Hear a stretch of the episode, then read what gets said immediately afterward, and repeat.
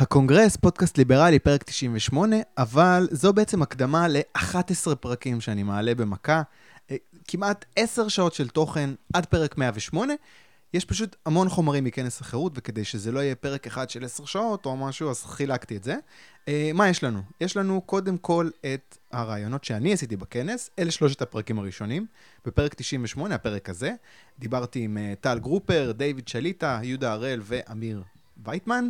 בפרק 99, אה, שיחות שעשיתי עם אה, ליבי מולד מזהות, עם שקד דפני, מאזין שלנו, עם עידית קלישר ונתן ליפשס, עוד מאזין שלנו. אה, כל השיחות מעולות, אבל שיחה אחת שעשיתי עם תום זיו הייתה עמוקה בצורה שלא ציפיתי. אה, היה ממש כיף, אז לקחתי את זה ושמתי את זה בפרק נפרד. זה פרק 100 שמוקדש רק לשיחה הזאת. ייי, פרק 100. אה, פרקים 101 עד 108 הם הפאנלים שהיו בכנס. אה, המון חומרים נהדרים שאני אשמע ביחד איתכם, כי לא הספקתי עוד לשמוע אפילו קצת ממה שהיה שם. פרק 101 מתחיל עם ראיון של בועז ארד עם איילת שקד. אחרי זה הרצאה של דוקטור יצחק קליין על חינוך בישראל, מאוד מעניין. פרק 102 ירון ברוק ממכון איין ראנד בארצות הברית, ועומר מואב, אין צורך לפרט. פרק 103 עם פרופסור יונתן דובי ודוקטור מיכאל שראל על כלכלת משאבים ודיור. פרק 104 זה הפרק על הצבא המקצועי, עם ההרצאה של אלוף במילואים גיל רגב, אה, ראש אכ"א לשעבר, אה, ופאנל שירון לרמן הנחה עם תת-אלוף במילואים ששון חדד, אה, פרופסור סטיוארט כהן ודרור לביא. פרק 105 מתחיל עם נחמיה שטרסלר שמעניק את פרס אביר החירות למשה ניסים שהיה שר אוצר בסוף שנות ה-80, הוא היה חלק משמעותי ביישום תוכנית העיצוב של המשק. זו התוכנית שהוציאה את ישראל מהמסלול להפוך לוונצואלה בתקופה הזאת. זה שנים של אינפלציה מטורפת, אה, סטייל ונצואלה היום, אינפלציה שנבלמה הודות לתוכנית הזאתי, ומשה ניסים היה חלק מהמהלך הזה. אה, אז נחמיה שטרסלר שם אה, מעניק לו את האות וגם מנהל איתו שיחה. אה, אחרי זה יש פאנל ליבטוק בהנחיית לידולן, אה, שיחות קצרות כאלה, הרצאות קצרות שהשתתפו בו אה, ריקי ממן, אברום תומר, עידית קלישר ועומר גל. בפרק 106 יש את הפאנל שצוות אקסודוס ארגנו. שנווה דרומי מעיתון הארץ הנחתה. אחלה ראיון, זה נקרא מכחול לאדום, ארבעה דוברים מארבע השקפות, שגיא ברמק הש... השמרן, גלעד אלפר הקפיטליסט, דוקטור אסף שרון הסוציאל דמוקרט, ודוקטור לורה וור... וורטן, שמייצגת את הגישה השמאלית ביותר. אה, פרק 107 עם ג'ונתן הוניג, שהגיע מפוקס ניוז עם ספר חדש שתורגם לעברית, המדריך החדש לאמריקניזם. ואחר כך אה, ההופעה של קבוצת התיאטרון של אריאל חדד, כמה קטעים ממופע סאטירי בשם פנייה הבאה ימינה. ואחרון, פרק 108 עם שרן השכל, שמקבלת את אות מדד החירות, ובסיום גם הופעה של רותם טל. אה, וכל החומר הנהדר הזה, מפרק 101 אה, בעצם, זה באדיבות של אה, בועז ארד. הוא הסכים שאני אעלה את כל החומרים האלה דרך הפודקאסט, אז תודה לבועז ותודה לכל הצוות uh, של השותפים בכנס, בכנס החירות, ללידו לן ותכלת פרלמוטר והילה שוורץ, שי גובר, אלי זינגר, צבי קרן, ליאור מנצור צ... uh, אביתר... ואביתר קירשברג. זהו, עד כאן ההקדמה. Uh, דבר אחרון לפני שנתחיל, יש לי המלצת תרבות אחת. יש בנטפליקס את הסרט הכי טוב שיש. זה, זה השם של הסרט, זה לא הסרט הכי טוב שיש, זה סרט שנקרא הכי טוב שיש. סרט עם ג'ק ניקולסון והלן האנט וגרג קיניר וקובה גודינג ג'וניור, וכולם שם נהדרים, וזו לכאורה המלצה טריוויאלית, כי שאלתי את עצמי, מי לא ראה את הסרט הזה? אבל פתאום חשבתי שזה סרט מ-97. ואני פגשתי בכנס אנשים שעדיין לא נולדו ב-97, אז אולי הם פספסו ובמקרה הם שומעים, אז תראו את הסרט הכי טוב שיש, תנצלו את ההזדמנות, זה בנטפליקס, כי זה באמת, זה סרט מושלם, הוא משהו מיוחד, לא, לא עושים כאלה מכל מיני סיבות. אה, זהו, שבוע הבא כנראה לא יהיה פרק, אני לוקח קצת הפסקה, אני מרשה לעצמי כי זה לא שחסר מה לשמוע. אה, זהו, בואו נתחיל, פרק 98, חלק א' של הראיונות שאני עשיתי מכנס החירות, וזהו, חג חירות אה, שמח שיהיה לכם. ביי ביי. הקונגרס, פודקאסט ליברלי, פרק 98, מיוחד מכנס החירות, פרק מרגש במיוחד, אנחנו שבוע לפני הבחירות. אה, זו עיצומה של המסיבה, והאג'נדה הליברלית היא כרגע הסינדרלה במסיבה הזאת. אה, זהות פורצת, הימין החדש מנסה להצהיר שגם הוא בעד שוק חופשי. עוד מעט איילת שקד אה, תבוא לפה להסביר כמה היא בעצם אה, ליברלית אה, כמו פייגלין. אה, הליכוד פתאום בהקשר הזה נראה פחות אטרקטיבי. השאלה, לדעתי, אם אה, עוד שבוע תיגמר המסיבה הזאת וסינדרלה, האג'נדה הליברלית תחזור לגודל האמיתי שלה, נהפוך לדלעת. זו המחשבה שבאתי איתה לפה. אני אדבר עם כמה אנשים, נראה מה הם אומרים. Uh, לפני הכל אני רוצה להגיד תודה לצוות של כנס אחרות, ובמיוחד לערן ליפשטיין שעזר לי לתאם רעיונות עם האנשים שאתם הולכים לשמוע, תודה ערן, ותפסתי על הדרך, ממש יצאתי מהאוטו וראיתי אותו, את טל גרופר. טל, מה שלומך? בסדר גמור, נפלא, כיף להיות פה. Uh, טל, בפעם האחרונה שדיברתי איתך, רצת לראשות עיריית פתח תקווה, איך זה הלך? זהו, uh, טוב, כן, בסוף uh, להרבה מאוכזבים, בסוף לא, לא הצלחנו להרים כסף כדי לרוץ באופן רשמי. אבל אני חושב ש... שלגמרי עשיתי את מה שבאתי לעשות בסופו של דבר.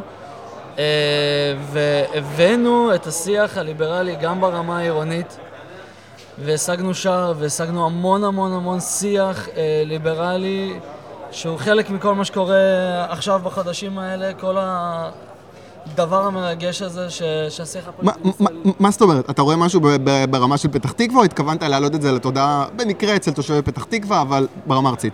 לגמרי במקרה אצל תושבי פתח תקווה, אבל uh, זה... אני פשוט ראיתי המון המון שיח והמון אנשים, האמת, הופתעתי מה, מה, מהתמיכה.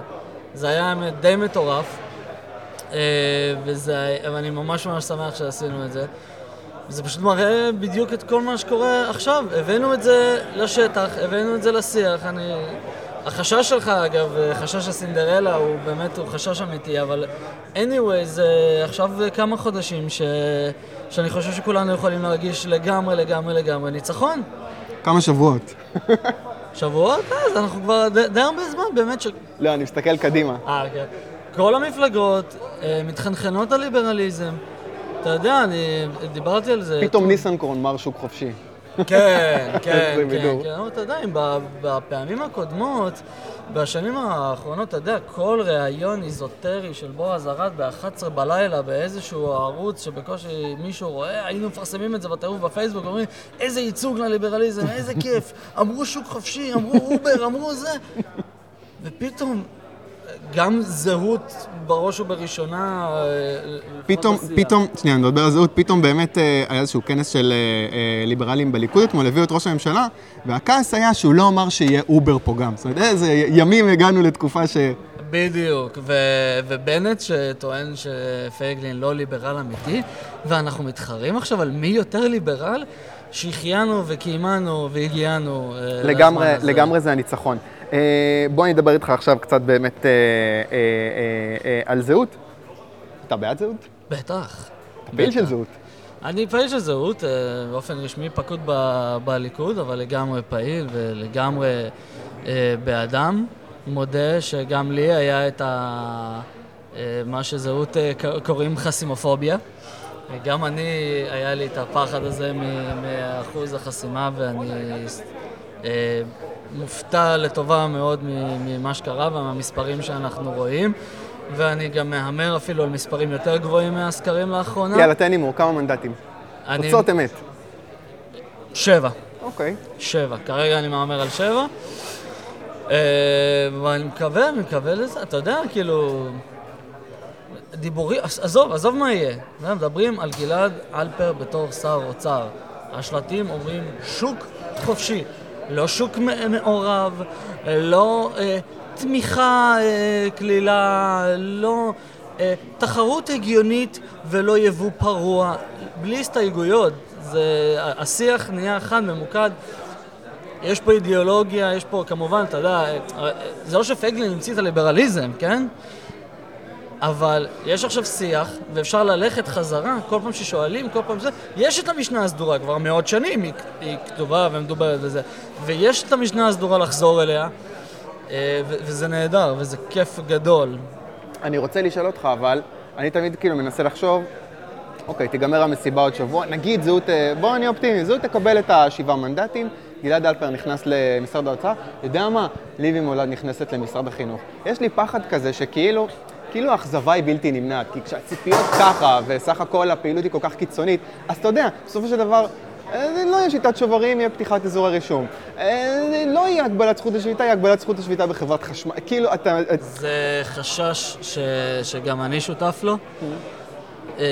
לגמרי. עכשיו, אם בליכוד ובליברלים בליכוד רגילים לפשרות, זאת אומרת, אה, אתה יודע, הם חיים בתוך הביצה ואומרים, כל ניצחון קטן מאוד מאוד מעריכים אותו ומודעים לסיפור. כן. אני חושש וצריך, לה, אני מקווה שפעילי ותומכי זהות באמת אה, יבינו שעם כל ההתרגשות והשיח והזה, סביר להניח שבאמת לא הכל יתמלא למאה אחוז שלו. ואני מקווה שגם הפעילים וגם זהות נשאר פה מספיק זמן כדי אה, להוביל את זה בסופו של דבר וכן לממש אחוזים הרבה הרבה יותר גבוהים. אני מפחד מאכזבה בלתי נמנעת, אני מוכן לזה, אני אישית, מודע לזה שאולי לא לגמרי יהיה שוברים, אבל כן יהיה אה, אזורי רישום ויהיה אולי, אה, אתה יודע... פיילוט. פיילוטים, כן, ו... אבל הרבה פעמים אנחנו גם... אנחנו בכפר סבא נגיד, אני מקווה כי אני גר שם, כן. הרבה פעמים אה, השינויים הגדולים, הם באים לא מתוך איזו חקיקה מטורפת דווקא. אתה יודע, זה הבן אדם הנכון בוועדה הנכונה שחתם על המסמך הנכון. זאת אומרת, אתה יודע, לפעמים באיזה... אתה לא באמת מודאג, כאילו, כשאני מסתכל על הרקורד של פייגלין, סך הכל, אתה יודע, אוהבים להגיד, הוא לא חוקק הרבה יותר מדי חוקים, וזה זה בסדר, מצוין שהוא לא חוקק הרבה, אבל הוא גם לא ביטל יותר מדי חוקים. זאת אומרת, מדאיג אותי שכשזה יגיע, ש, ש, שזה לא ייפול בכוונות הטובות, זה ייפול בתכלס. זה ייפול במישהו שעכשיו צריך לדבר עם המפלגות האחרות, עם השותפים הקואליציוניים, וצריך לסדר, לעשות איזשהם קומבינות. אין לך את החשש הזה שב... אתה יודע, בפן של העשייה, אין באמת ההשתפשפות הזאת שעכשיו הליברלים בליכוד נגיד אה, חווים, שהם... אתה יודע, צעדים מאוד קטנים, אבל לאורך זמן, והם מגיעים כי הם משתלבים במנגנון. אתה מבין מה אני שואל? אני מבין. קודם כל יש הבדל בין אה, ראש, אה, בין ראש סיעה מפלגה אה, לבין להיות בתוך מפלגת השלטון. אגב, שתי הפעילויות הן מבורכות וחשובות ו- וקריטיות, אבל כן יש יותר עמדת כוח אה, מתוך העניין של ראש מפלגה, כל סיפור אה, לשון המאזניים, כל עניין, אתה יודע, התלות בקואליציה. אני לא חושש מזה שפייגלין לא יסתדר עם... אתה יודע, במשחק הפוליטי, ממש לא. זה, זה לא דאגה שאני רואה לא מהבן אדם, לא משאר הרשימה. לא מהאג'נדה, לא מטריד אותי uh, הסיפור הזה. מה שכן, אני, זה, יש קונצנזוס לגבי פייגלין. מה הוא חושב, זה מה הוא אומר. לא, אין פה, אין פה שטיקים, לטוב ולרע בקטע הזה. זאת אומרת, אם יהיה משהו עקרוני uh, שלא יעבור, אז לא יעבור, ולדעתי, כאילו, והוא יצא מממשלה. אז זאת אומרת, לחלוטין אולי זה אולי החשש כאילו היחיד, שאם יהיה באמת עניין מהותי, לא יהיה פה, אין לו את הפחד, לא לו לא ולא לשאר הזהות של ה... מה, אבל לא נהיה בממשלה? לא, אז לא נהיה בממשלה. באמת בונים פה על דרך ארוכה. באמת בונים פה על אה, אה, להגיע גבוה, אני מקווה שכך יהיה. אני באמת יותר חושש מהפעילים פה בעניין הזה. צריך להבין את זה. יש פוליטיקה זה לא כיף, זה חרא, זה ביצה, זה וואטאבר. אני כבר שומע כבר את הטענות של הליכודניקים אומרים, אה, אמרנו לכם שזה לא כזה פשוט, זה, זה, אתם מכינים את התירוצים כבר מכינים את הנאומים, כן. ברור לי. אה, אגב, גם תחרות, כל עוד זה נשמר ב... אני אוהב את התחרות הזאת. אני אוהב כאילו את העקיצות ההדדיות האלה, כל עוד זה נשאר ברוח טובה. כל עוד זה ברוח טובה, בהחלט. אה, אין פה, תראה, בגלל שכולנו ליברלים, זהו, זה מאוד שרירותי. אני, יכול, אני, אני רואה הרבה אנשים שנמצאים בימין החדש, בליברלים אה, בליכוד, אה, בזהות, באותה מידה הם יכולים לעבור, כאילו זה הכל בסופו של דבר אותה אג'נדה. בדיוק, זאת אומרת, הניצחון שלנו באמת, באמת שאנחנו ליברלים, אנחנו לא ראש ועד, ואנחנו לא קבוצת מיעוט, ואנחנו לא בעד השוטרים, או בעד האתיופים, או בעד איזושהי קבוצה אה, ספציפית. באמת, מה שמשתף בינינו זה, זה רעיונות. אז אנחנו יכולים לנצח בכל הגזרות, זה בסדר. אני אחתוך פה, אני רוצה לשאול אותך דבר אחרון. באת היום לכנס, אני מניח, יש הרבה הרצאות, יש זה, דבר אחד שבאת בשבילו, מבחינת האירועים שיש פה. גם בשביל uh, להתמנגל זה קודם בסדר. קודם כל, uh, להתמנגל זו הסיבה העיקרית שאני מגיע אליה. בוא נגיד, uh, שנתיים ראשונות הייתי בכל ההרצאות, וזה בסדר, שמעתי אותם, אני מכיר, אחלה עומר מואב, אחלה שטרסלר. כן. שמעתי, אוהב אותם, זה, אבל uh, רוב הזמן אני אהיה בחוץ. Uh, באתי לראות את שרן מקבלת uh, את הפרס. כן? כן, נכון, אני לא טועה. לדעתי, בינינו זה אמור להיות... אתה מדבר על אביר איכות... אביר זה? לדעתי זה משה ניסים. אה, אוקיי, טוב. אבל בשקט, אסור לגלות. אוקיי, אוקיי, אז לא הייתי אוקיי, אז את איילת התמנגלות. שקד, זה- אבל בעיקר התמנגלות לחלוטין. אוקיי, טל גרופר, תודה רבה, תהנה. אה, ביי, כן. טוב לפגוש אותך. עכשיו אני מדבר עם דיוויד שליטה, אה, אוסטרו סומליה. אהלן דיוויד. שלום רב, שלום רב, מה שלומך יניב? אה, אני רוצה לדבר איתך, יש כמה שאלות כאילו שהכנתי ככה לחבר'ה שאני פוגש ככה על הדרך, ואני שואל אה, אה, אה, קבוע. קודם כל, נראה לי שהדבר שעובר לכל אחד בראש כשהוא מגיע לכנס הזה, זה הפריצה של זהות. וקודם כל, הימור שלך, כמה מנדטים? להערכתי הם לא יעברו את אחוז החסימה. זה יכול להיות. זה אפשרי. כן, כן, אנחנו יוצאים מנקודת הנחה שהם יעברו, ממש לא בטוח. לא בטוח.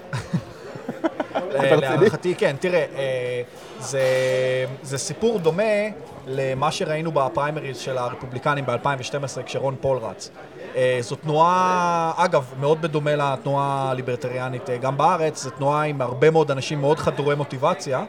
אבל אה, לא, אני לא בטוח אם זה מתבטא, מתבטא במצביעים, ואתה גם רואה את זה בתוצאות של הסקרים, כי מה בדרך כלל הם עושים? בדרך כלל הם לוקחים את האחוז של המצביעי זהות, ואז מורידים קצת, כי כאילו בזכות אה, כאילו השתתפות יתר. אז אם בן אדם נגיד מהליכוד, אה, מתקשרים אליו סוקרים, יותר סביר להניח שהוא לא ירצה להגיד שהוא מצביע ליכוד. מאשר בן אדם שמצביע זהות, ולפי דעתי משערכים את זה אפילו יתר יתר, ולהערכתי הם לא יעברו את אחוז החסימה. אוקיי, אבל אה, אה, כרגע עדיין יש איזושהי תחושה של האג'נדה הליברלית היא כרגע בשיאה. סינדרלה. כן.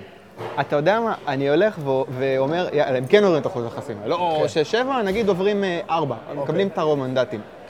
שבוע, שבועיים מעכשיו, מישהו יזכור בכלל את השיח הזה על האג'נדה הליברלית? מה יצא מזה בסוף? לדעתי חד משמעית כן. תראה, קודם כל, מה השתנה? מה שטוב זה שאנשים אה, כיום עושים, אה, מבחינת האקטיביזם הליברלי עושים את מה שאני אמרתי שצריך לעשות מההתחלה. זאת אומרת, וזה שוב פעם מתחבר גם לנקודה הקודמת שאמרתי. אנחנו לא יודעים למלא אוטובוסים במצביעים, לא יעזור. אה, אבל אנחנו כן יודעים למלא אולמות באנשים צעירים אה, חדורי מוטיבציה. זאת אומרת, אם לדוגמה הליברלים בליכוד היו מתמקדים מאוד לעשות כל הזמן כנסים, כי אתה יודע, החברי כנסת של הליכוד עוברים מיום ליום במשרדים הגריאטריים האלה של הליכוד. הם הולכים ורואים אנשים אה, קשישים עכשיו זה קורה קצת. זהו, כן. זה, זה, הליברלים בליכוד תמיד עשו את זה במידה מסוימת, אבל אנחנו תמיד נדע למלא אולם, בערך ב-50-100 איש, ש, שנראים צעירים ונראים אה, מבטיחים ונראים מאוד אטרקטיביים לפוליטיקאים. אנחנו לא כמו חד"ש. אה, אה, כמו חד"ש?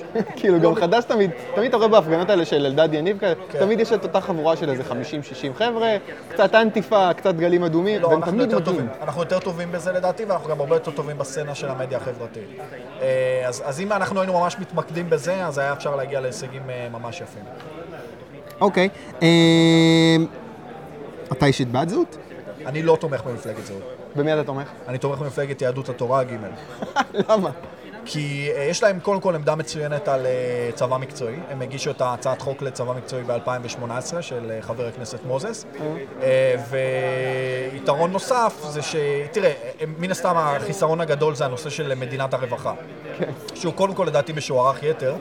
אה, בגלל שבעיקר הבעיה של המדינה זה לא, זה לא אה, פרזיטים, אני עושה סימנים של אה, ציטוט, אה, זה לא פרזיטים אה, ב, ברווחה, אלא פשוט הרבה מאוד עובדי מדינה בדרג ביניים שגורמים נזק ו, ומקבלים על זה שכר לא בהכרח מאוד גבוה. אה, זה בנושא של הרווחה, ויש להם, אה, בניגוד לזהות, אה, מדיניות אה, חוץ אה, שפויה. אוקיי, הבנתי. אה, אירוע אחד שבאת רק בשבילו לכנס, או שזה נטו mingling. נטו mingling. אפשר, ל- לגיטימי. אוקיי, בוא תספר לי עכשיו, אה, אתה מר אוסטרו סומליה. כן. אה, יש לכם ספרייה, כן, נכון. ואתה רוצה, אה, מה אתה צריך מהחבר'ה ששומעים את הפודקאסט? מה שמאוד הייתי רוצה זה שאנשים אה, יחפשו אה, ספריית אוסטרו סומליה, או שאפשר לשלוח לי הודעה פרטית, או, אה, או לשלוח הודעה לעמוד של אוסטרו סומליה, ואני אשלח לכם פשוט אה, לינק לרשימת הספרים, ואני אשמח אם אה, תיקחו ספרים ו- ו- ותקראו אותם ותהנו מהם. אוקיי, דיוויד, תודה רבה. תודה רבה לך, עינב. עכשיו אני מדבר עם יהודה הראל. בוקר טוב, יהודה. בוקר טוב. אה, יהודה, אתה תושב רמת הגולן, ממקימי מרום אה, גולן, קיבוץ מרום גולן. אתה שמחת כששמעת שטראמפ מכיר בריבונות אה, ישראלית על רמת הגולן? שמחתי למרות שלא כל כך התרגשתי. למה? כי חשובה יותר ההסכמה שישנה בישראל, הסכמה מלאה על הגולן כחלק ממדינת ישראל, והנושא של אה, סיפוח או לא סיפוח לא קיים יותר, ואין לי עניין שהוא יהיה קיים, אני מעוניין שידברו על ההישגים החברתיים שלנו, על הפירות שלנו, על ההישגים הכלכליים שלנו, על החינוך אצלנו, ולא על הנושאים פוליטיים. אוקיי, אה, אני רוצה שנדבר שנייה על זהות, מפלגת אה, אה, זהות. אה, אתה חושב שהזינוק של זהות, בסקרים לפחות, אומר שאולי ישראלים קצת נפתחים יותר לרעיונות של חופש, גם אם זה על חשבון ביטחון? קודם כל, חופש הוא לא על חשבון ביטחון. חופש שמקדם את החברה הישראלית מכל בחינה. שנית, ההצלחה של זהות, למרות שאני לא התכוונתי לעסוק כאן בפוליטיקה, כי אני עדיין קול צף, אבל ההצלחה של זהות מוכיחה אה, שנמאס לציבור אה, מהכבלים אה, של המדינה. הציבור רוצה חופש, וחופש זה תמיד חופש מהשלטונות. לא חשוב אם הם שמאל או ימין השלטונות, יותר חופש מהשלטון. אותו דבר שמחתי שראשי המפלגות הולכים להצטלם בגולן, כי הם צילמו שהציבור אה, אוהב את הגולן. אז ההצלחה של זהות היא הוכחה שהציבור, חלק ניכר מהציבור, אה, מעדיף חופש על ביטחון. אתה באת לפאנל שעוסק בחינוך, נכון? אני אגיד לך שעדיין לא החלטתי במה אני אעסוק היום. אוקיי. אה, כי אני יכול לעסוק בחינוך כמובן, אה, אבל אני נפגש כאן עם אנשי המכינות, ואחרי התלבטות אני אחליט אם אני אעסוק בחינוך או בחופש. אתה כתבת מדור שנקרא מעבר לסיבוב. נכון. אוקיי, ברגע שמפלגת זהות, נגיד היא נכנסת, נגיד היא מקבלת את משרד החינוך, ונגיד הם מנסים לקדם עכשיו איזשהו מהלך גדול כמו שיטת השוברים. אתה בתקופה שלך כחבר כנסת, ניסית להעביר מהלכים מסוימים, למשל קיצוץ מסוים בתקציב החינוך. זה לא כזה פשוט לעשות שינויים במשרד החינוך, נכון? לפי דעתי זה בלתי אפשרי.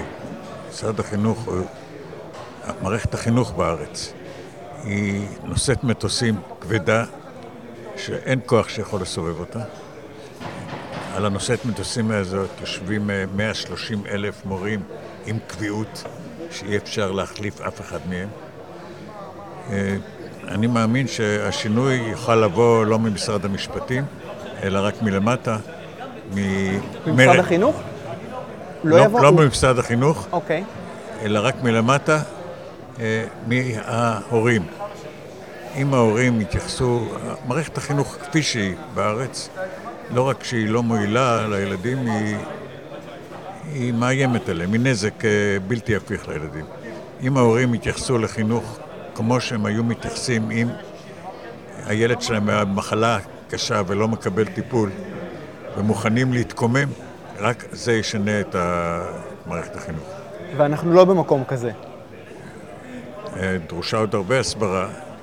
אה, בינתיים ההורים אה, מובלים כסלע טבח לבתי הספר, מובילים את הילדים שלהם, ושם נגרם להם נזק שבחלק מהמקרים ההורים מסוגלים לתקן, ברוב המקרים לא.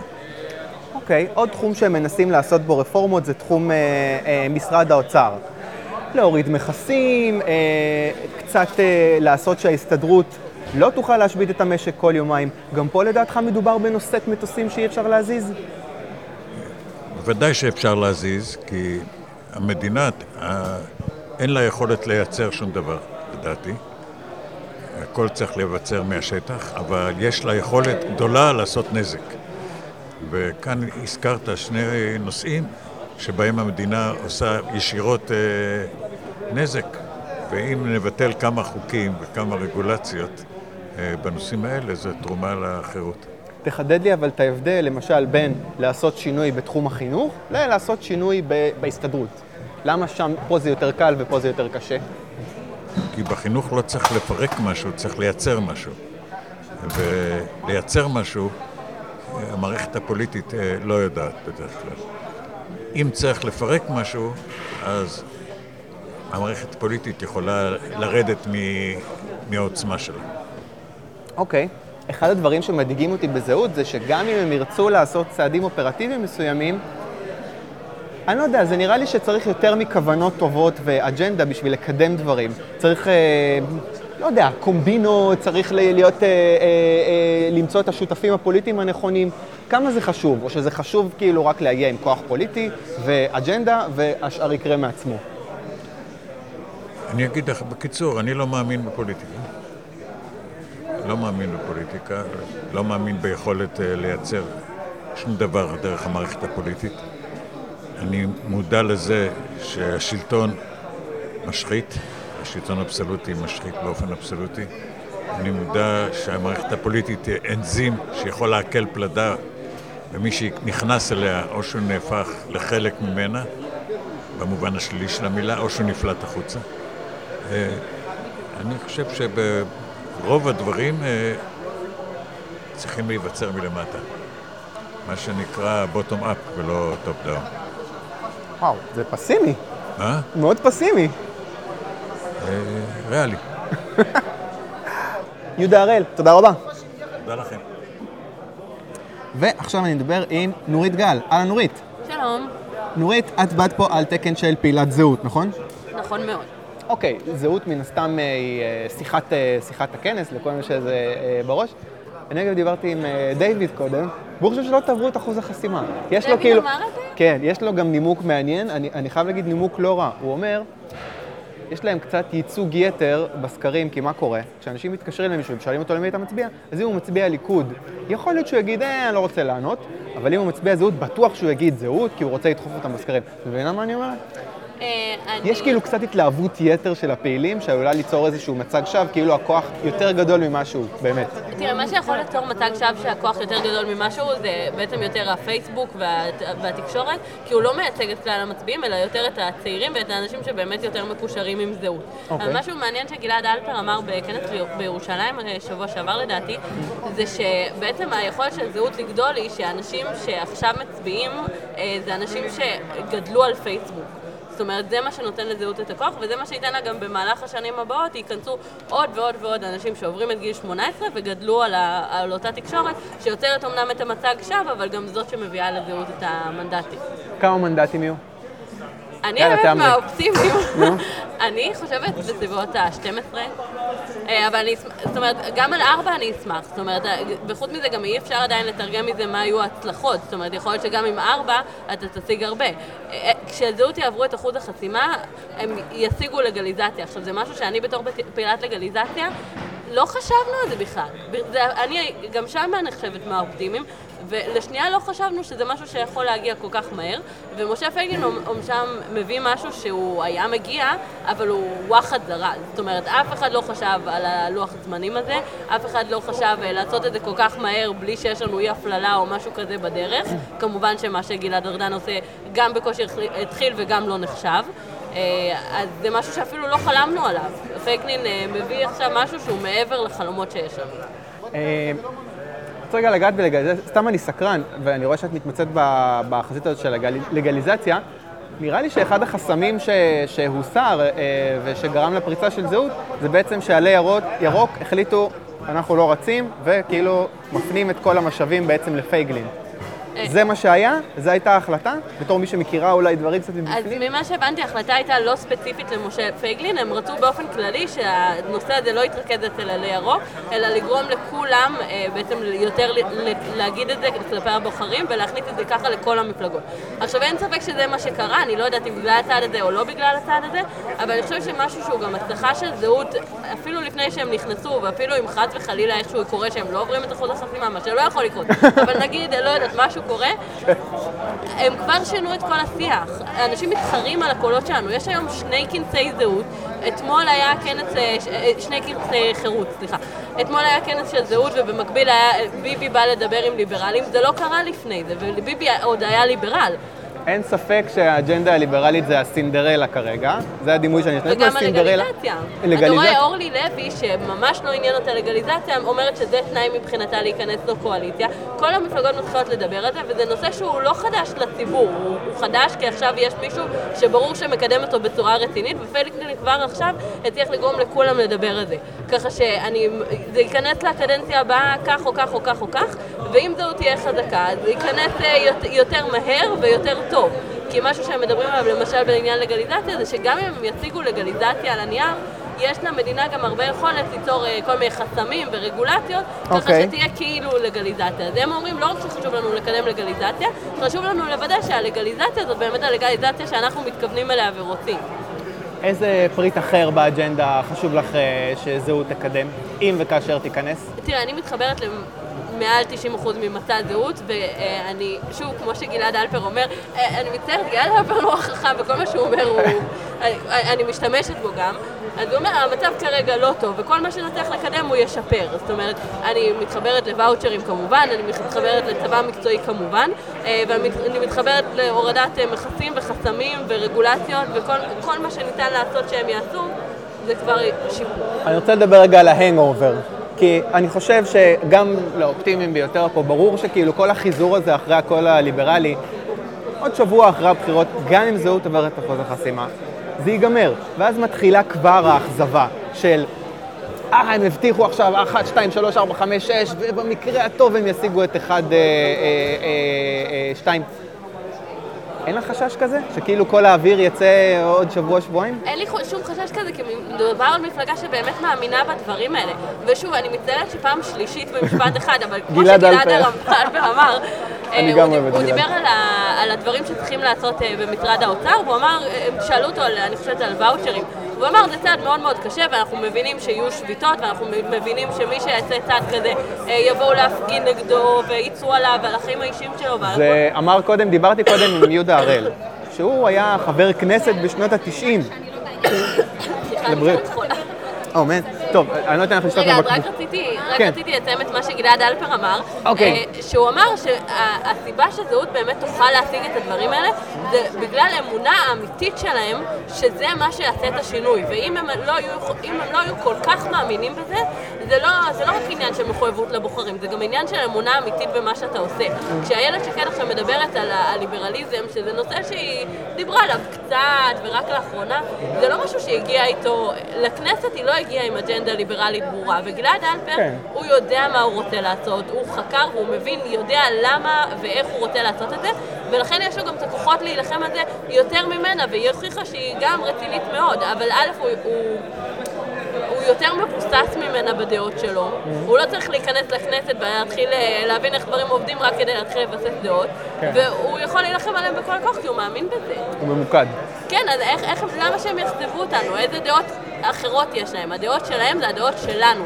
וכל מי שנמצא פה ולא מצביע על זהות זה טהרנות שאני לא מכירה בתנועה ליברלית, ואני חייבת להגיד שאני די מופתעת, ומקווה שזה ישתנה בשבוע הקרוב. אה, מה את חושבת על כל ה...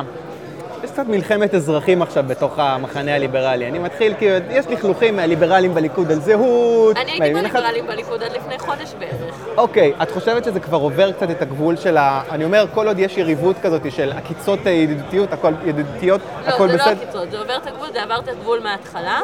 אה, ואני חושבת שזה מאוד מצער, כי בסופו של דבר אלה האנשים שצריכים לשתף פעולה עוד שבוע, או לא עוד שבוע, עוד חודשיים. וזה יפריע? אני לא יודעת אם זה מפריע, אני מקווה שאנחנו כולנו אנשים גדולים, אבל uh, כן, זה, אני חושבת שזה לא צריך להיות כל כך אישי, וזה צריך להיות ויכוח uh, על דרך. זאת אומרת, אנחנו, יש לנו את אותם ערכים, יש לנו ויכוח על דרך. בואו נדבר על זה. אוקיי, okay, אני יכול להבין, כאילו, הליברלים בליכוד נגיד, אני לא כל כך יכול להבין את העקיצות, כי בסופו של דבר זה לא שהליכוד בסכנה שלא לעבור את אחוז החסימה. אבל אם נגיד יש כמה פעילים של ימין החדש שתוקפים את זאת, אני יכול להבין את זה, כי זה קצת משחק סכום אפס, והימין החדש לא עלול לא לעבור את אחוז החסימה. תראה, אני מכירה רק פעיל אחד בימין החדש, שזה אה, מאיר, ואני לא ראיתי אותו עוקץ, והוא בן אוקיי. אדם מאוד נחמד, ואני בטוחה שנשתף פעולה. כן, האמת אה, שהימין החדש פחות פעילים. קשה לי אה, כאילו לענות על זה. עם הליברלים בליכוד באמת יש עוינות כזאת, ש... תראה, אני מבינה, נכנסה להם תחרות, לא הייתה להם תחרות, הליברלים היו אצלם.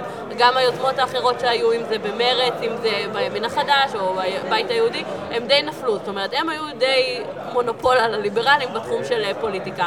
וכרגע נכנסה להם תחרות, ובתור ליברלים אנחנו אמורים לאהוב תחרות, ואני גם אמרתי את זה לאמיר וייטמן, שאני והוא מאוד מאוד קרובי ואני מאוד אוהבת אותו. אתם, כאילו, אתה יודע, קחו את זה כהזדמנות להשתפר ולמשוך אותו, אנשים חזרה אליכם.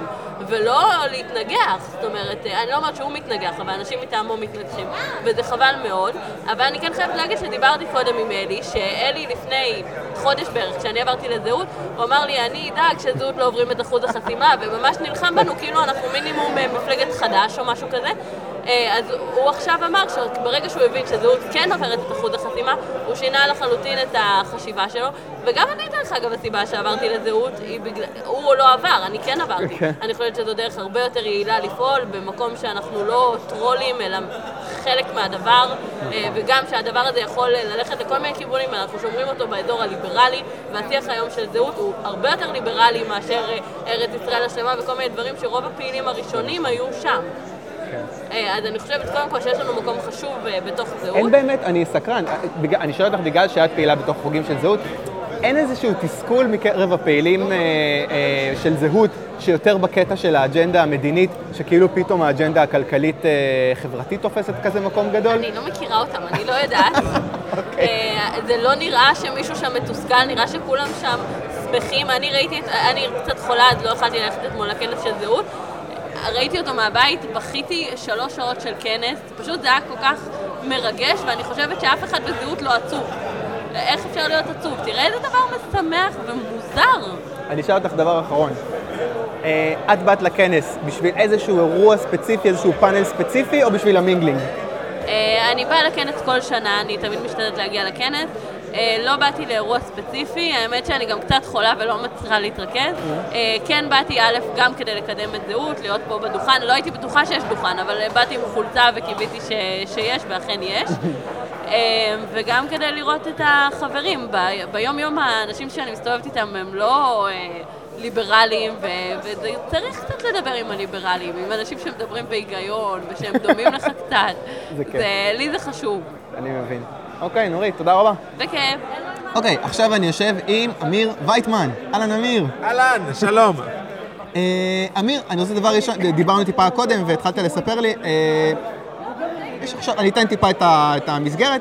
יש איזושהי אה, עדנה לאג'נדה ליברלית כרגע, סינדרלה, כולם מחזרים אחרי הסינדרלה הזאת. בואו בוא נתחיל בעצם במה שהיה אתמול. היית בכנס אה, אה, ששרן השכל, נכון? ארגנה, אה, וביבי היה בכנס. מה היה שם? מה ביבי מבטיח לנו? אז קודם כל צריך להבין, אה, אנחנו... אני אתן, אני אתן טיפת רקע לפני שאני אענה לך. אה, ככה? כן. אנחנו, אני באופן אישי רודף אחרי משרד ראש הממשלה הרבה זמן, שנים, כדי שראש הממשלה עצמו אה, יופיע בפני הציבור שלנו. אז אה, ניסיתי להזמין אותו בעבר לכנס החירות, לא הלך. אה, ניסינו לעשות כנסים, אה, לא הלך. והאמת שנתנו לנו גם תירוצים טובים למה לא הלך. זאת אומרת, אה, אמרו, התירוצים היו... בגדול, אם אני, אה, אה, הוא צריך להופיע בפניכם, אז כולם יקנאו, ומה אני אגיד לכל השאר? וזה תירוץ טוב, כי זה אומר שעכשיו ביבי צריך להתחיל לעשות אה, כנסים באלף אה, קבוצות בתוך הליכוד, כדי שהוא לא יריב עם ההוא, זה לא משהו שהוא סביר. Mm. אה, ולכן קיבלתי את זה. אה, אבל קרה משהו. מה שקרה, אה, זה שקרו, היו פריימריז בישראל. אה, בליכוד בחמישה לפברואר, ועשינו, נתנו בראש. אה, אני יודע שהרבה אנשים אה, התאכזבו. אנחנו, אחרי הפריימריז, ניסינו להסביר שלא צריך להתאכזב, שעשינו משהו מדהים, ואנשים לגלגו, וזה, ופה ושם, ותראה, ופה. אנשים לא מבינים מה המשמעויות לזה. אני רק רוצה להסביר את המובן מאליו. לא, לא יש לי פה מיקרופון, אה, זה בסדר. אני רק רוצה להסביר את המובן. הסיבה ש... לא יודע אם לגלגו, אבל אומרים, אוקיי, בסדר. קיבלתם את ה... הבאתם את הכמה אלפי קולון, דילים, אבל בסופו של דבר, שרן השכל נכנסה לרשימה. כי בית הדין החליט אה, להוציא את ההוא והכניס אה, אותה. זאת אומרת, אם אני מסתכל על החברי כנסת שנכנסו, בסדר, הם נכנסו על משבצות ארציות, אבל כשאתה משווה את הרשימה הזאת לרשימה הקודמת, הרשימה לא הזאת היא לדעתי לא פחות טובה, אם לא יותר טובה כנראה. אוקיי. גם דרך אגב, הציבור לא מכיר, העשירייה הרביעית של הליכוד היא מדהימה. מאוד מאוד מאוד pro-free market. תן לי באמת את השמות שאנחנו לא מכירים, ולדעתך... קודם כל, השותף הפוליטי שלי בתוך הליכוד, אה, לפורום דרור, אריאל קלנר, ניצח ניצחון מאוד משמעותי במשבצת חיפה. הוא יהיה מספר 34 בליכוד. זה אוקיי. גבולי מאוד, אבל יכול להיות שהוא ייכנס, יכול להיות שהוא ייכנס מיד, כי אנחנו לא רחוקים מזה, או אם לא, אז כן, במהלך הקדנציה, לא, לא בכלי. ו... אה, אה, קלנר, הוא היה אה, בזמנו במנהיגות יהודית עם פייגלין, הוא נשאר בליכוד, אנחנו עובדים ביחד, והוא בעמדות מאוד מאוד קרובות לעמדות שלנו, הוא קצת יותר שמרני, כן? אבל בוודאי בנושאים הכלכליים וגם החברתיים ברובם, אז סך הכל יש אה, הלימה מאוד מאוד גבוהה.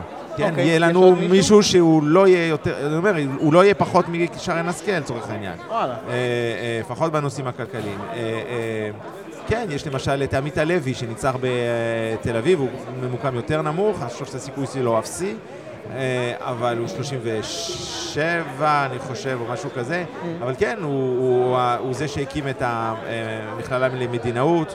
אה, הוא איש שוק חופשי מובהק. מכללה למדינאות זה הגוף שהעביר השתלמויות את שרן השכל בין השאר? למשל, כן. אוקיי. בוא נחזור אה, לכנס אבל. כן, נחזור לכנס. זמננו קצר. כן, זמננו קצר. אז בכל מקרה, אז אני רציתי לתת רקע, זה חשוב לי. כן. אנחנו הצלחנו הצלחה גדולה, זה הרשים את כל הליכוד, וכשאני אומר כל הליכוד, זה הרשים את ראש הממשלה באופן אישי. מה שקרה זה שאנחנו בארבע שנים האחרונות פעלנו, אבל פעלנו על סמך זה שאף אחד לא ידע שיש לנו כוח. זאת אומרת, ראו שיש כנסים בהם אנשים, אף אחד לא באמת ידע, לא כמה, לא איך. יואב קיש עצמו, שאנחנו המלצנו עליו, הוא חבר קרוב שלי, הודה בפניי. באוזנינו גם עשינו איזה כנס הוקרה אחר כך, לפני איזה שבוע-שבועיים, mm. הוא הודה שהוא לא ציפה לכל כך הרבה אנשים. הוא עצמו, אמרנו דברים, הוא לא האמין, הוא חשב שאנחנו מבלפים. ולא, אנחנו לא מבלפים. אוקיי. Okay. אנחנו ממש מה שאמרנו היה נכון. Uh, והוא יודע שאנחנו אמרנו שיש לנו 1,800 איש בקלפי, הגיעו לקלפי, uh, זאת אומרת, ש... סליחה, 1,800 איש שהיו בספר, הגיעו השתתפות פסיכית, 86 אחוז, למעלה מ-1,500 משתתפים. זה מדהים.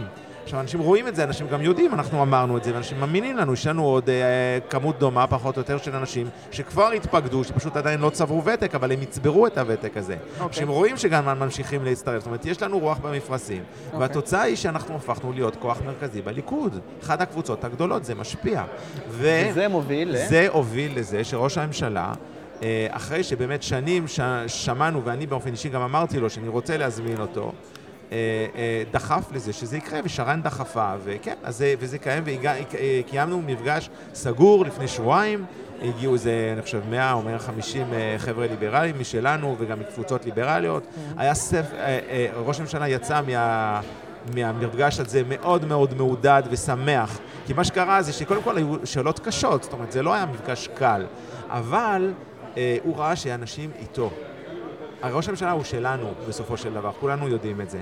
אבל מה, הוא, הוא תמיד ניסה להנחית את השוק חופשי מלמעלה למטה, וזה לא הולך ככה. אנחנו אנשי הרי בוטום אפ, אנחנו מבינים ששוק חופשי, גם בפוליטיקה זה צריך לבוא מלמטה, צריכה להיות דרישה ציבורית.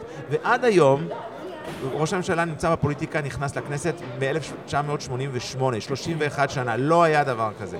והוא פשוט התלהב, הוא ראה את זה, הוא נהנה, הוא התלהב, וזה ככה מה, ש... זה מה שאני שמעתי. Okay. אוקיי. והוא אמר, יאללה, ושרן דחפה לעוד, והוא, אבל, אבל, אבל הוא אמר, בואו נעשה עוד כנס. ומה שקרה אתמול זה שהיה למעשה הכנס הכלכלי המרכזי של הליכוד לבחירות.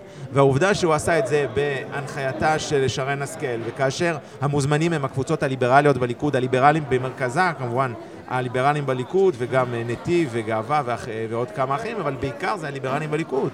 זה מסר ציבורי ענק, צריך גם להבין, זה לא גם איזה כנס סגור עם כמה מאות אנשים, לא, זה שודר בלייב בדף הפייסבוק שלו, זה גם נשמר שם, זה היה בליכוד TV, זאת אומרת, אנחנו במרכז התודעה הציבורית בליכוד ובמדינת ישראל בכלל. זה מסר שה... שראש הממשלה בעצמו אמר, אנחנו כבר, למעשה אתמול קיבלנו גושפנקה רשמית, אנחנו כבר לא איזה עוד קבוצה בליכוד, אנחנו במרכז הבמה, אנחנו פה חלק מהאנשים שנותנים את הטון וקובעים את סדר היום הציבורי, הכלכלי-חברתי, בתוך הליכוד, בתוך מפלגת השלטון. זו אמירה מרחיקת לכת, וזה נובע מזה שאחרי, אני חוזר על מה שאמרתי, אחרי 31 שנה, בפעם הראשונה אי פעם, ראש הממשלה עמד בפני קהל שהריע לו על זה שרוצים תחרות, שהריע לו על זה שצריך לקצץ ברגולציה, שהריע לו על כל הדברים בוא, שאנחנו בוא, מדברים בוא עליהם. באמת, בוא באמת אה, נדבר על, אה, הזכרת סדר יום. לאיזה צעדים תכל'ס זה מתורגם אז בקדנציה? קודם כל, אנחנו, אז קודם כל אנחנו נראה. אז אני כבר עכשיו אומר לכם, זה הרבה תלוי בקואליציה. זאת אומרת, אה, אני חושב, אני חושב שקודם כל גם אנחנו רואים, יש גם איילת שקד הייתה פה הבוקר בכנס החירות, ו... ומדבר, וגם, שקד, אה, וגם בנט מתחיל פתאום לדבר על שוק חופשי ועל זה שהוא מדבר על שר שהוא רוצה גם אז את... רגע, אז רגע, לא, אנחנו, לא, פה, שנייה, אנחנו שנייה. הולכים סביב הפיל בחדר. הסיבה, עם כל הכבוד לליברלים לא, בליכוד. אז, אה, רגע, לא. בוא נזרוק את זהות, כי אנחנו כבר לא. מדברים כמה דקות. בוא נדבר על זהות שנייה. אז, אז רק שאנחנו נדבר על זהות, אבל אני רוצה להגיד, לא, הסיבה היא לא זהות. מה שכן זהות עשתה, וזה חשוב, אני מברך על זה, כן? אה, היא, לא יצרה, לא משהו, היא לקחה משהו שהיה באוויר, והצליחה להוריד את זה לשטח, זה כן ההצלחה של פייגלין, ולהכניס את זה יותר במודעות ויותר בשיח ולהפוך את זה לאישו פוליטי. זה כן, זה חד משמעית כן. אבל צריך להבין, לא צריך לשכנע את ביבי. ולא צריך לשכנע את הרבה אנשים בליכוד. מה שכן, זה הפך לאישיו, זה נפלא ואני מברך את זהות על זה. לא צריך, אני לא, זה שאני מפלגה אחרת זה לא רלוונטי. אבל אני עכשיו רוצה להגיד, אתה שאלת מה, למה זה יתורגם. ראש הממשלה התחייב לבטל את המועצות החקלאיות, אתמול. הוא אמר, אה, אומנם קצת בצורה מפותלת, אבל הוא אמר בסוף רוצים להכניס את אובר. אה, אה, הוא דיבר על עוד דברים נוספים. עכשיו, מה, מה שגם בתחום יחסי עבודה, גם שקד דיברה על זה הבוקר, יש לנו אפשרות היסטורית ואני רק רציתי לחזור שנייה למה שקרה עם בנט. בנט אמר שאם הוא יהיה, הוא, הם גם פה, הם מדברים הרי על שר הביטחון והמשפטים, אבל הוא גם דיבר על האוצר, זאת אומרת, גם הוא אמר שאם הוא יהיה, הוא, זה אולי יהיה התפקיד האחרון שלו, והם הולכים על uh, מבצע שהידי כזה של uh, ליברליזציה קיצונית. זאת אומרת, זה כן, אנחנו נמצאים שם. יש לנו אפשרות לממשלת ימין כלכלי אמיתי בקדנציה הבאה, כאשר אנחנו דוחפים בתוך הליכוד את ביבי ואת השרים ואת חברי הכנסת לכיוון הזה, כאשר מסביב לשולחן יש את הימין החדש ואת זהות וגם את סמוטריץ', שבסופו של דבר שותף במידה לא מבוטלת לכל הדברים האלה, mm-hmm. וכן, אנחנו יכולים לעשות דברים. אבל, כדי שזה יקרה, אנחנו צריכים קואליציה ורוב. חד משמעית אני אומר את זה. בלי השותפות הפרגמטית של כל האנשים האחרים שהם לא בליכוד, זה לא יקרה. ולכן אני פה רוצה גם לקרוא לחבריי בזהות. אה, לדבר בערכים מוחלטים זה נחמד, אני הרי אידאולוג מאוד קיצוני באופן כללי. אבל כשאנחנו מגיעים, כשאנחנו יורדים מהעולם של הרעיונות והאידיאולוגיה לעולם של הפוליטיקה, בסופו של דבר צריך להבין שאם אנחנו, זה לא יבוא מתוך שיתוף פעולה הדדי ומתוך אה, אה, התכתבות עם המציאות, זה אומר שלא הכל נוכל לעשות. אני למשל בעד, ל, ל, אה, כן, להרחיב את ההסתדרות, כן? אה, אבל, אבל אנחנו... להחריב. להחריב. טוב, אני, אני, אני עולה חדש, אני תמיד מתבלבל בזה, אל, אל תכעסו עליי, כן? אבל, אבל כן, להשמיד אותה. להשמיד אותה. אוקיי. אבל אה, זה כנראה לא יקרה. בואו נוידע על אמת. אבל כן, אנחנו יכולים לבטל את חוק השליש, להפוך את זה אפילו לרוב. במקום שליש זה רוב, זה שינוי דרמטי. אנחנו יכולים לעשות כל מיני... זהו, בוא, בוא באמת, ו- אבל, בוא, אבל אני רוצה למסגר את זה אני רגע. רוצה, אני רק רוצה לסיים. אם יהיה פה טהרנות אידיאולוגית ופוליטית שתמנע אה, אה, שיתוף פעולה בין כל סיעות הימין, ואני רוצה שהקשקוש הזה של, אה, של פייגלין, שהזהות זה לא, גוש הימין מעניין את הסבתא שלו, אז בסדר, אז הוא יראה את הסבתא מהקול, מהאופוזיציה, ו, ו, ו, ובסוף מה שיקרה זה שזה ידחוף את הליכוד לידיים של לפיד וגנץ, ומה שאנחנו נקבל זו ממשלת קיפאון שלא תעשה כלום במשך ארבע שנים. הסיכוי בוא... היחיד... לא, לא, לא. רגע, אז... לא, כן. שנייה, אתה, אתה אומר תן לי לסיים, אבל כן. אני, אני כן רוצה לדחוף שאלה. אז תדחף. אוקיי, בסדר. תראה, מהבחינה הזאת, אם אני מסתכל על מנקודת מבט שלו, יש לי תחושת בטן, והוא גם אמר את זה כשלחצו אותו לפינה, שבוודאי שהוא ירגיש יותר בנוח בממשלת ימין. אבל מהפוזיציה הזאת של מישהו שמגיע מבחוץ ורוצה להשיג כמה שיותר סחורה אה, במשא ומתן הקואליציוני, זה הגיוני להגיד, לא, אני לא בכיס של אף אחד. לא, ככה הוא יקבל מה שהוא רוצה. זה בסדר, אוקיי, אין לי בעיה. אוקיי, אבל... איפה הם מגזימים? באיזה דברים שהם מקדמים? שום דבר. זה לא יקרה. שום דבר. פייגלין מעולם לא הגזים בשום דבר. אני בכל זאת אה, מכיר אותו לא מעט שנים, עוקב אחריו. רוצה להגיד לך שקודם כל אין אף אחד במפה הפוליטית הישראלית שאני מרגיש יותר קרוב אליו מאשר משה פייגלין באופן אישי. אוקיי. אני יותר קרוב אליו מכמעט כל בן אדם, לא כמעט, מכל בן אדם אחר שיש בליכוד, ואני מרשה לעצמי לחשוב שאני יותר קרוב אליו ממה שכל אנשים, ב, ב, לפחות בחמישייה הפותחת של זהות, קרובה אליו. אוקיי. זה ברור, אני חושב. אוקיי. אה, אה, גם, זה לא רק פוליטית, זה רוחנית, זה בהרבה מאוד דברים. אנחנו, אני מאוד מאוד קרוב אליו מבחינה אידיאולוגית. אז איפה הבעיה? הבעיה שלי היא לא... היא לא עם האידיאולוגיה, בכלל. הבעיה שלי היא עם ההתנהלות הפוליטית. פייגלין כבר הרי פעם, היה לו המון כוח פוליטי ביד. אני רוצה רגע להרים לך להנחתה. זה משהו ששאלתי אנשים, ויכול להיות שאתה הבן אדם אה, לענות על זה. כן. החשש שלי זה שעוברות הבחירות, וכן, זהות עוברת חוזר חסימה, מקבלת חמישה, שישה, כן. שבעה מנדטים, נכנסת לקואליציה, אוצר, חינוך, לא יודע, גם וגם, נגיד, סבבה. הם מגיעים לעשות דברים, ו... משהו מתפספס, דברים הם לא מצליחים לקדם, בין אם זה, אתה יודע, מטרה גדולה מדי שמעצבנת יותר מדי אנשים, ובין אם זה פעילות עם אה, שותפים אה, קואליציוניים. זה חשש מוצדק? זה יכול ליפול שם? כן, כן. למה? למה? כי, כי זו המהות של הפוליטיקה. הפוליטיקה, צריך להבין, אנחנו לא לבד. אני, אתה יודע, בין המייסדים של התנועה הליברלית החדשה, אני מאוד מאוד, אה, אה, כמובן, אה, אוהב את זה, ותורם, ועושה כל מה שאני יכול כדי בסך הכל לדחוף את זה. אבל אני גם מודע לזה שיש אנשים בישראל, אמנם אני מקווה שזה משהו, מצב זמני, אבל יש אנשים שלא מזדהים עם התנועה הליברלית החדשה. יש כמה. זה משהו שמצער אותי באופן אישי, אבל עובדה. יש כנראה אנשים מסוימים, עוד לא זה, שלא מזדהים איתנו. עוד לא ברור איפה הם. כן. לא ברור. עכשיו, לאנשים האלה, הם קיימים, הם בני אדם. והכוח הפוליטי של בן אדם מול בן אדם כמוני הוא זהה. אנחנו בדמוקרטיה, כל אחד מרים יד אחת. במצב הזה, אם אני אה, אה, אנסה, אתה יודע, ללכת, עליהם, ללכת להם על הראש, אה, להכתיב להם, אז אם הם ייתנו לי להכתיב להם, אחלה, אני אשמח. אבל אני מניח שהם לא ייתנו, כי יש אנשים שיש להם אמונות מוטעות אמנם, אבל אמונות שקיימות שמתנגשות עם האמונות שלי. עכשיו, אם אני לא אתפשר, וכן, אני אומר חד משמעית, הגישה שלי היא גישה פשרנית במודע.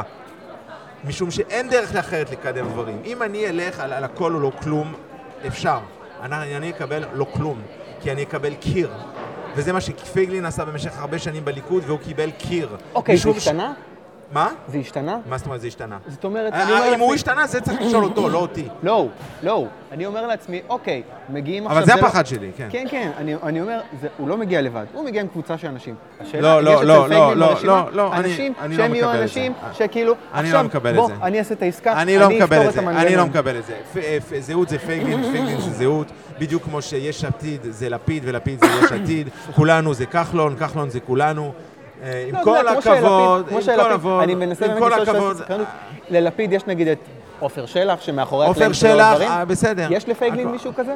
אני, לא, קודם כל צריך לשאול אותו, אבל אוקיי. אה, אה, לא אותי, אני לא הבן אדם. זה רק הוא יכול להגיד.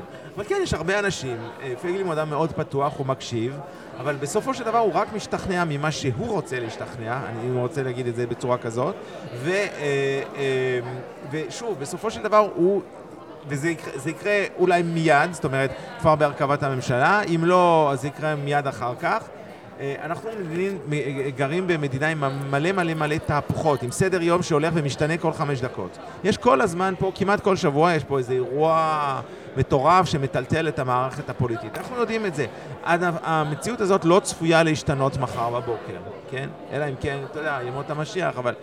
אנחנו לא רואים שזה הולך לקרות. עכשיו, השאלה היא כזאת, האם כשיקרה משהו, ואם אה, זה בתחום הביטחוני, לא משנה באיזה תחום, ומה שיקרה זה לא מה שהוא רוצה שיקרה. זה יכול להיות שזה אפילו נוגד את מה שהוא רוצה. האם הוא אה, ישים את המפתחות על השולחן ופשוט יפוצץ את הכל, אה, או שיגיד, אוקיי, אני הולך לבדוע צפרדעים. עכשיו, הדבר הכי חשוב בשביל פוליטיקאי זה... שלו, אבל לפעילים שלו יש ציפייה מסוימת, זאת אומרת, זה המלכוד של הקיצוניות, כן? זה המלכוד של הקיצוניות. איך הוא ישמור על הכוח שלו בבחירות הבאות? אז אני לא יודע. אני בגלל זה אני לא שם. אני לא רואה, ואני רואה את הפעילים הלהוטים של זהות, שאני מבין אותם. זהו, האכזבה היא כמעט בלתי נמנעת, זאת אומרת, אתה מכוון כל כך גבוה. אז זה בדיוק זה, אז, אז בגלל זה אני גם אומר, אני, אני גם לא מסתיר את זה. באמת יש לי הערכה עצומה, באמת אני אומר, זה, אני גם מכיר אותו אישית, יש לי הערכה עצומה באמת לפייגלין, ואני אוהב אותו, גם, ו, ושי מלכה הוא חבר טוב מאוד שלי, כן? ויש לי הרבה אנשים, גם, הרי סך הכל אני הצטרפתי באופן אישי למנהיגות יהודית ב-2001. זה, יש פה איזה רומן רב שנים. אה, אה, באמת, יש לי המון המון הערכה, אבל כן, אתה, אני חושב שהגישה הזאת היא גישה שיש בה מצד אחד באמת המון תקווה ולהט, וזה מדהים. מצד שני, כן, יש בזה סכנות אה, אה, חמורות מאוד, משום שמה שעלול לקרות, וכמו שאתה אומר, זה אכזבה מאוד קשה, ואתה יודע, כשחוזרים למציאות, אז... אה, אה, אז, אז מה יהיה? אז יהיה... אה, אז שוב, אז או יגידו, אוקיי, אז אה, אנחנו לא חוזרים בנו מהרעיונות שלנו, פשוט אה, פייגלין באופן אישי הוא לא האיש כנראה להוביל את זה, ואז נמשיך פשוט בטקטיקה שונה, שזה בסדר, או לחלופין, פשוט ננטוש את הכל. עכשיו, אני רוצה להגיד לך שיש לי חברים, יש קבוצה בתוך הליכוד שנקראת פורום דרור, שזה למעשה אנשים של מנהיגות יהודית שהיו עם פייגלין, שלא עזבו את הליכוד ביחד עם פייגלין. האנשים הזה התגבשו בקבוצת המשך, דיברנו על אחד האנשים שנבחר, אריק קלנר, אז הוא יושב ראש פורום דרור ושותף שלי, והאנשים האלה, קשור לקבוצה הזאת, אני יכול להגיד לך שיש, דיברתי על זה לא, לא מזמן עם אחד מחברי המרכז הליכוד, שהוא מפורום דרור, שהיה של מנהיגות יהודית, שאמר לי, אני לא יכול לפקוד יותר אנשים לליכוד אה, באזור שלי. אמרתי לו, למה? הוא אמר, כולם היו פקודים לליכוד, הלכו עם פייגלין, פייגלין על, הלך, ופייגלין השאיר שם אדמה חרוכה. זאת אומרת, כולם התאכזבו, אמרו, יאללה, ניסינו, לא הלך, התייאשו. עכשיו, אני מאוד מאוד חושש מהנזק ש... שכל הסיפור הזה עלול לגרום לתנועה הליברלית, לא לתנועה הליברלית החדשה, אלא לתנועה הרעיונית שלנו, כן? אה, אה, בתור, אה, כן, ננסה, ניסינו, היינו בכנסת, אפילו הבאנו הרבה מנדטים, לא השגנו כלום. אז בשביל מה כל הסיפור הזה? וזה מלכוד הקיצוניות, וה... וה...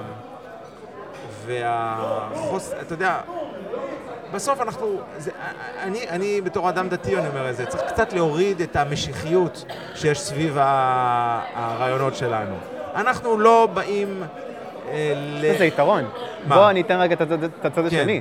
זה מכניס חשמל. כן, יש חשמל כן, באוויר. כן, זה כן. רע? לא, זה מצוין. אבל אוקיי. הבעיה שהחשמל צריך להיות מנותב. גם אני בא, כשאני בא, לא יודע אם אתה כבר, אתה היית הרי, כשאני בא, אני גם יודע, לא, לא, אני גם יודע לצעוק ולדבר יפה. בוא, אני, תן לי טיפה קרדיט. אוקיי. נכון או לא? כן, אבל בוא, אבל... זהות, גנבו את הרם. מצוין. כן? כן, אוקיי. לבריאות, אני, אין לי שום דבר נגד זה. שמע, בוא, זה לא עניין אישי, לא של זהות, לא של ליברלים בליכוד, לא של מפלגה, לא של ליכוד, לא של אה, מפלגה של שקד, לא של אף אחד. אנחנו מקדמים חירות, חופש. זה מה שמעניין אותנו. לא, לא מעניין אותנו באמת שום דבר מעבר לזה. הרי אני אפילו לא התמודדתי לכנסת, למרות שהייתי כנראה נבחר עכשיו לכנסת.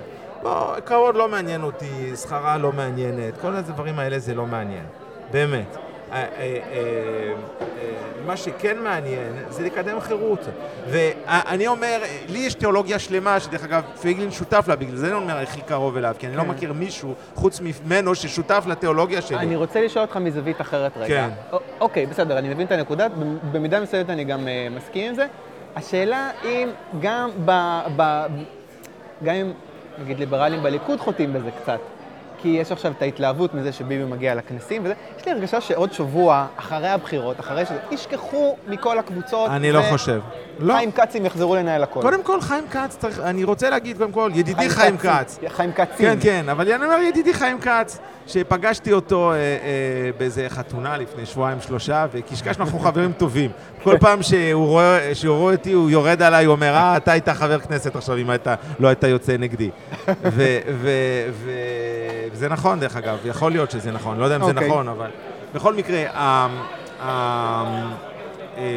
הוא אומר לי, תשמע, דיברנו על המצב בתוך הליכוד וזה, והוא מודאג מאיתנו. זה אני אומר, מהשיחה איתו, כן? אוקיי. הוא מודאג, הוא מבין שיש לנו כוח, שיש לנו כוח שעולה, והוא מבין מה ההשלכות. אבל עם כל זה, גם לא, יש, יש לו הרבה כוח, כן, לחיים כץ, אני לא מזלזל. אבל לא הייתי מגזים גם, בוא, חיים אני כץ לא מדבר לא... על חיים כץ, אני מדבר על החיים כצים. אין הרבה חיים שבגדול, כצים, לא, אין. אבל בגדול האג'נדה הליברלית, הרי המתנגד שלה זה לא האג'נדה חיים הליברלית כץ. נמצאת היום כל השאר. בליכוד, בס- זה לא נכון. האג'נדה הליברלית היום בליכוד נמצאת בשיא כל הזמנים. כל הזמנים, ואני מדבר על ה-30 השנים האחרונות, לא יודע מה היה בשנות ה-60, כן? אבל בש- בעשורים האחרונים לא היה אף פעם מקום, בל... זמן, זמן, אה, אה, זמן בליכוד שהיו כל כך הרבה אנשים שמדברים ב- בדיבורים שערבים לאוזנינו. כל השטויות האלה של ההתרפקות על הליכוד של פעם, זה נובע מבורות, במקרה הטוב, שלא להגיד על סילוף העובדות. הליכוד הייתה מפלגת פח, לא, לא, אני לא רוצה לדבר על העבר. בולשביסטית. אני אומר, אנחנו לא חיים כרגע קצת בסרט, לא, שכאילו לא, עוד לא, שבוע ישכחו מהאג'נדה? לא, לא, לא, לא, לא, לא, לא, אנשים מבינים שהכוח שלנו לא הולך לשום מקום, עם כל הכבוד, והוא רק הולך וזה. אנשים יודעים גם שאנחנו אנשים רציניים, אנחנו בודקים מה קורה בשטח. אנחנו, האנשים האלה יודעים שיש ציפיות מהם, ויצטרכו למלא את הציפיות. עכשיו, כן, זה נכון שכן, אה, כדי להעביר דברים צריך רוב, זה נכון. צריך רוב. ואם אין לנו רוב, אנחנו לא יכולים להעביר דברים. שורה תחתונה, נכון. אתה אומר, תצביעו למי שתצביעו, בואו להתפקד לליברלים בליכוד. אז קודם כל, כן, כשכולם, אה, אה, כולם התפקדו, אה, אני עכשיו אומר, אה, היה ב-2000, בשנת 2000 או 2001, פייגלין בזמנו, בתחילת מנהיגות יהודית, עשה תמונה של איזה, אה, כשאז ליברליזם לא עניין אותו, כן? אה, הוא עשה תמונה של איזה הפגנה של הימין בנושא ארץ ישראל, והוא אמר, אם כל האנשים בתמונה היו מתפקדים לליכוד, הם היו קובעים מי יהיה ראש הממשלה. אז אני מבחינתי מוכן לעשות תמונה, ב, ב, אה, אה, אה, לקחת תמונה גדולה של הכנס של זהות אתמול, ואני אומר, אם כל האנשים שהיו בכנס אתמול היו מתפקדים לליכוד, אז כן, הליכוד לא היה באותו מקום. אז אני יודע שיש הרבה אנשים שהתאכזבו ופה ושם, כן, הערב הגדול של המהפכה לא יגיע מחר, לא. זה לא יגיע. מה שאני כן מבטיח לכם, שכמו שאנחנו התכתשנו ונלחמנו במלחמת גרילה בכל מיני דברים בשנים האחרונות, למרות שאף פעם לפני זה לא עברנו מבחן אלקטורלי, ובכל זאת אנשים נתנו לנו קרדיט והעברנו כל מיני דברים. כשהיינו מאוד חלשים, עכשיו שאנחנו כבר הרבה יותר חזקים, הרבה הרבה יותר חזקים, בגלל שאנחנו אחרי הפריימריז, בגלל שעברנו בהצלחה את טבילת האש, בגלל שאנחנו קיבלנו לגיטימציה נהדר, ציבורית, דיבר- דיבר- אני אוקיי. אומר, אני אומר, אנחנו קיבלנו לגיטימציה ציבורית, אוקיי. ציבורית מראש הממשלה עצמו. אנחנו בלב הקונצנזוס של הליכוד, ואנחנו כן, אנחנו נוביל דברים עוד ועוד, וכן, תתפקדו ותצביעו מחל. אמיר, תודה רבה. תודה לך. אגב, בכנס באת, באת רק ל mingling, או באת, אמרת, יש איזה אירוע שאני חייב אה, לא לפספס? לא, אני אף פעם לא בא לאירועים. אני לא, רק אני בא ל mingling. פאנל, פאנל... אה, אה, לא, לא, אני אפילו לא מסתכל. יש פאנל אחד שאתם חייבים כמובן להיות פה בעוד עשר דקות, כי אני זה שמנחה אותו, אה, אבל מעבר לזה, אה, לא, הכל, הכל נחמד והכל חשוב והכל טוב, אבל אני באמת בא בעיקר כדי לפגוש חברים ולהתערות קצת בקהילה הליברלית הישראלית. נהדר. אמיר, תודה רבה. ובהצלחה לכם, באמת. הצלחה שלכם. הצלחה של האג'נדה. בסוף, הצלחתנו היא הצלחה של כולם, וגם ההצלחה של זהות בסופו של דבר. אם יהיו, ישכילו לשתף פעולה ולשלב יעדים, זה גם ההצלחה של כולם, וגם של שקט, וגם של כל האנשים האלה, שבסופו של דבר, ונעזוב את הניואנסים בצד, כולנו רוצים אותו דבר. אבל כדי להשיג את זה, אנחנו צריכים לשלב ידיים, לעבוד בשום שכל, בפרגמטיות, ולא אה, אה, אה, לשאוף לדברים שהם בלתי ניתנים להשגה. אם כולנו נעבוד ביחד, אני מבטיח לך, ובאמת אני אומר את זה כי יש לי כבר ניסיון, אנחנו נשיג דברים. אחלה, אמיר. תודה רבה.